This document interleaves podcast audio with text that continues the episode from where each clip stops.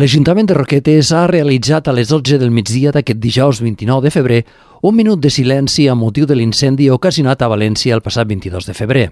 A les escales de l'edifici de l'Ajuntament de Roquetes s'han aplegat treballadors municipals, alguns regidors del consistori i l'alcalde de Roquetes, Ivan Garcia, que explicava els motius d'aquest minut de silenci. Bé, doncs ens reunim aquí a la porta de l'Ajuntament per a fer un minut de silenci en record de, de les víctimes del, del, del fet que va succeir a València la, el passat dia 22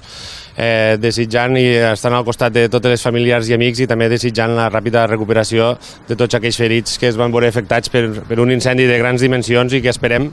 que no es torni a, a repetir perquè això ens pot passar a tots i per aquest motiu eh, aquí ens volem solidaritzar en la gent de València.